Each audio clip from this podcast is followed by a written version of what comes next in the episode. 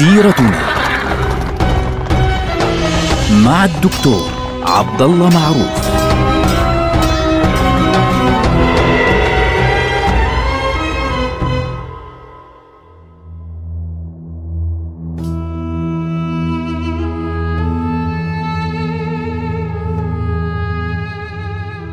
السلام عليكم ورحمة الله وبركاته.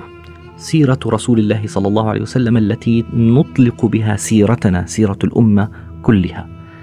نحن مع رسول الله صلى الله عليه وسلم الآن في الطريق إلى يثرب إلى المدينة، لسه كان اسمها يثرب في ذلك الوقت.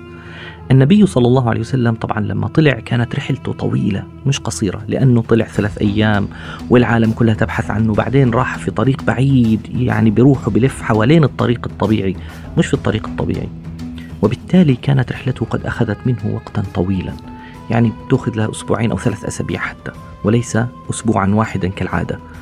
هذا الأسبوع أو هذه الفترة كانت كفيلة بأن يصل الخبر إلى المدينة إلى يثرب في ذلك الوقت بأن النبي صلى الله عليه وسلم خرج بالفعل هو وأبو بكر وأن كل الدنيا تبحث عنهم. طبعا أهل المدينة في ذلك الوقت قدروا الزمن أنه متى يمكن أن يصل رسول الله صلى الله عليه وسلم فخرجوا في ذلك الوقت صاروا يخرجون في كل يوم في الصباح ينتظرون قرب منطقة قباء. بينتظروا في منطقة بيسموها العالية هي منطقة مرتفعة شوي كلها نخيل وتطل على الطريق الذي يأتي من الجنوب. فكل واحد منهم يعني واقف بينتظروا حتى ترتفع الشمس ويصبح الجو حارا جدا عليهم فيعودون إلى بيوتهم. حتى جاء ذلك اليوم الموعود. كان يوم آه اثنين وكان من شهر ربيع الأول. يرجح أنه إما يوم الثامن أو التاسع وربما يقول يعني بعض الناس يقولون الثاني عشر. المهم إنه كان في بدايات أو في الثلث الأول من شهر ربيع الأول. كان يوم اثنين. الصحابة يعني واقفين بينتظروا فصارت الشمس صعبة عليهم يعني صارت بالنسبة لهم حارقة.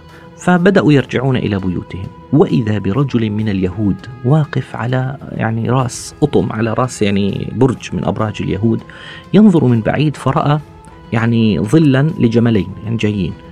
فصار ينادي يقول يا معشر العرب هذا جدكم الذي تنتظرون قد جاء. طبعا جدكم هون مش معناها يعني سيدكم أو جدكم أخ يعني والد والدكم لا جدكم يعني الذي تجدون في انتظاره. هذا الشخص اللي بتنتظروه وصل. سبحان الله العظيم. اليهود هم الذين تسببوا في إسلام أهل المدينة من حيث لا يعرفون. ذكرنا هذا في حلقة سابقة. واليهود هم الذين بشروا أهل المدينة بقدوم رسول الله صلى الله عليه وسلم. شيء عجيب من حيث لا يدرون يعني. فالمبدأ عندما سمع الناس هذا الصوت ثار المسلمون وحملوا أسلحتهم وبدأوا يتقدمون ويزحفون بالتقديس والتهليل والتكبير لاستقبال رسول الله صلى الله عليه وسلم. وكان يوما في غاية العظمة وفي غاية الجمال. يعني شيء كان مذهل. مشهد المسلمين وهم يستقبلون رسول الله صلى الله عليه وسلم بعد هذه الرحلة الطويلة جدا. فتلقوا الرسول صلى الله عليه وسلم في منطقة قباء. طبعا اسمها قباء بالضم. ونزل النبي صلى الله عليه وسلم في قبيلة موجودة في قباء اللي هي بنو عمرو ابن عوف. وكان ذلك كما قلنا يوم الاثنين. بعض الناس لم يكونوا يعرفون رسول الله صلى الله عليه وسلم. طبعا من المهاجرين بيسلموا على النبي صلى الله عليه وسلم وعلى أبي بكر. وبعض ال... والأنصار اللي بيعرفوا النبي صلى الله عليه وسلم بيسلموا على الاثنين. لكن اللي ما بيعرفوا النبي صلى الله عليه وسلم بعضهم صاروا يسلموا على أبي بكر ويقول له السلام عليك يا رسول الله. فأبو بكر رضي الله عنه لاحظوا الأدب والذوق. ما اجوا أحرجهم وقال لهم شو بتعملوا أنا لست رسول الله. لا. جاء إلى رسول الله صلى الله عليه وسلم وخلع عباءته. أبو بكر خلع عباءته وظلل بها على رسول الله. فعلموا أن هذا المظلل عليه هو رسول الله صلى الله عليه وسلم. فصاروا يسلمون عليه عليه الصلاة والسلام. ونزل النبي صلى الله عليه وسلم هناك في بيت قريب. طبعا مذكور أنه نزل على كلثوم بن الهدم.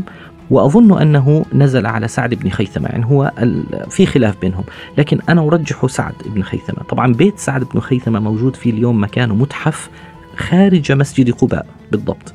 يعني مباشرة من جهة القبلة خارج مسجد قباء افتتح متحف قبل عدة سنوات في هذه المنطقة التي كان فيها بيت سعد بن خيثمة رضي الله عنه وأرضاه. سواء نزل هنا أو هنا يعني الاثنين كان بيتهم أصلا جنب بعض. فنزل هناك رسول الله صلى الله عليه وسلم وأقام في آه تلك المنطقة يوم الاثنين كامل يوم الثلاثاء ويوم الأربعاء ويوم الخميس. يعني ثلاث أيام كاملة إضافة ليوم الوصول حتى يوم الجمعة. وكان أهم شيء قام به رسول الله صلى الله عليه وسلم أنه بنى أول مسجد في الإسلام من الصفر مسجد قباء. جاء رسول الله صلى الله عليه وسلم حيث بركت ناقته هناك عند مسجد قباء ووضع عنده حجرا. ثم جاء أبو بكر وحمل حجرا ووضعه إلى جانب حجر رسول الله صلى الله عليه وسلم. ثم جاء عمر رضي الله عنه ووضع حجرا في إلى جانب حجر أبي بكر رضي الله عنه وبالتالي بدأ المسلمون يبنون المسجد. طبعا بناء المسجد للعلم ما بيأخذ فترة طويلة لأنه مسجد بسيط. المسجد عبارة عن أرض وحدود وقبلة فهم حددوا حدود المسجد وبنوا له جدارا فعليا وبالتالي اكتمل بناء مسجد قباء. مسجد قباء بالتالي أول مسجد في الإسلام. وللعلم ذكر مسجد قباء في القرآن الكريم إشارة. يعني يقول الله عز وجل في مسجد قباء لمسجد أسس على التقوى من أول يوم أحق أن تقوم فيه. لذلك هذا المسجد له هيك مكانه وله جمال. لليوم على فكرة مسجد قباء له طبيعة مختلفة. لا يوجد مسجد من مساجد الأرض كلها للصلاة فيها يعني آه، أجر خاص يعني غير المساجد الثلاثة المسجد الحرام والمسجد النبوي والمسجد الأقصى غيرها إلا مسجد قباء. الصلاة في مسجد قباء بعمرة. يعني الصلاة أي صلاة ركعتين تحية المسجد صلاة ظهر صلاة عصر صلاة فجر اللي هي. إيش ما كانت؟ حتى لو ركعتين تحية المسجد أجرها بعمرة. هذا المكان لا يوجد مثله فعليا هذا المسجد الجميل مسجد قباء. ومكث رسول الله صلى الله عليه وسلم هناك هذه الأيام. طبعا في تلك الأيام في قباء قبيل خروج النبي صلى الله عليه وسلم ولعله يوم الخميس وصل إلى المدينة أيضا علي بن أبي طالب رضي الله عنه وأرضاه. وكان النبي صلى الله عليه وسلم قد أمر عليا بعد ما طلع أنه تمكث في مكة ثلاثة أيام. حتى ترد الودائع إلى أهلها. يعني المشركين اللي كانوا يحطوا ودائعهم عند رسول الله صلى الله عليه وسلم كان آه، يعني النبي صلى الله عليه وسلم مهتما بأن يعيد لهم ودائعهم. لاحظوا النبي صلى الله عليه وسلم يهتم حتى بهذه الدقائق وهذا من كرم آه، أخلاقه عليه الصلاة والسلام ومن ذوقه عليه الصلاة والسلام. ثم هاجر علي رضي الله عنه ماشيا. هاجر مشي على رجليه وبالتالي وصل أثناء وجود النبي صلى الله عليه وسلم في قباء. لأنه وحده لكنه طبعا سار على الطريق وحيدا يعني نفس الطريق العادية. عشان هيك طريقه ما كانتش بنفس طول طريق النبي صلى الله عليه وسلم. ثم بعد عدة أيام جاء أهل أبي بكر وأهل رسول الله صلى الله عليه وسلم السيدة سودة آه، وتتابع وصولهم أجمعين إلى مدينة رسول الله صلى الله عليه وسلم. لكن النبي صلى الله عليه وسلم في تلك الفترة كما قلنا مكث وصل الاثنين مكث الثلاثاء والأربعاء والخميس ثم في يوم الجمعة عندما ارتفعت الشمس قرر النبي صلى الله عليه وسلم أن يتحرك باتجاه آه، المدينة داخل المدينة. فركب ناقته وبدأ المسلمون يتقدمون وقطعوا واديا خارج مسجد قباء بشوي يعني إلى الشمال من مسجد قباء اسمه وادي رانوناء فلما يعني كان متوسطا في نص الوادي في وسط وادي رانوناء نظر النبي صلى الله عليه وسلم إلى الشمس فقد حان في ذلك الوقت وقت صلاة الظهر في يوم الجمعة. فتجاوز رسول الله صلى الله عليه وسلم الوادي ثم صلى بالناس أول صلاة جمعة في التاريخ. أول صلاة جمعة. في ذلك اليوم. وفي ذلك المكان على فكرة عمر بن عبد العزيز الخليفة الأموي بنى آه، مسجدا سمي مسجد الجمعة لليوم موجود. طبعا اليوم تقام في كل الصلوات لكن صلاة الجمعة تقام في مسجد قباء لأنه الصلاة في مسجد قباء بعمرة. فبالتالي الناس بتصلي في مسجد قباء صلاة الجمعة والمسجدين مش بعاد عن بعض يعني خمس دقائق مشي فقط.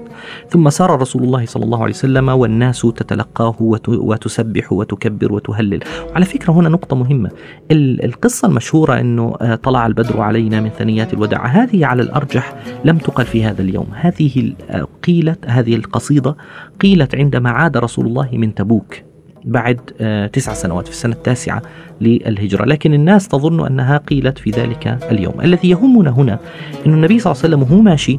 كل واحد من يعني من قبائل الأنصار بيقولوا يا رسول الله هلم إلى العدد والعدة والمنعة إحنا بنحميك انزل عندنا. فيقول خلوا الناقة فإنها مأمورة. الله أمرها أن تنزل. فتحركت الناقة حتى وصلت إلى المكان الذي فيه اليوم مسجد رسول الله صلى الله عليه وسلم وكان هذا في وسط قبيلة بني النجار اللي هم أخوال أبو النبي صلى الله عليه وسلم. عشان هيك النبي صلى الله عليه وسلم كان يقول لهم أخوالي وكان يحبهم أصلا. فنزلت الناقة هناك بركت. فالنبي صلى الله عليه وسلم قال اتركوها قليلا. فقامت ومشت ثم عادت وبركت في مكانه. فقال رسول الله صلى الله عليه وسلم هنا المنزل إن شاء الله. وأقرب بيت كان لهذا المكان بيت أبي أيوب الأنصاري رضي الله عنه. وأبو أيوب ما تكلم ولا عمل أي شيء. ما ما قعد يقول عندي ومش عندي. لا حمل متاع رسول الله صلى الله عليه وسلم ودخل به إلى بيته. فقال رسول الله صلى الله عليه وسلم إكراما لهذه لهذه الإيجابية من آه، أبي أيوب آه، المرء مع متاعه. ونزل عند أبي أيوب وهنا تبدأ الفترة المدنية. نلقاكم على خير. والسلام عليكم ورحمة الله وبركاته.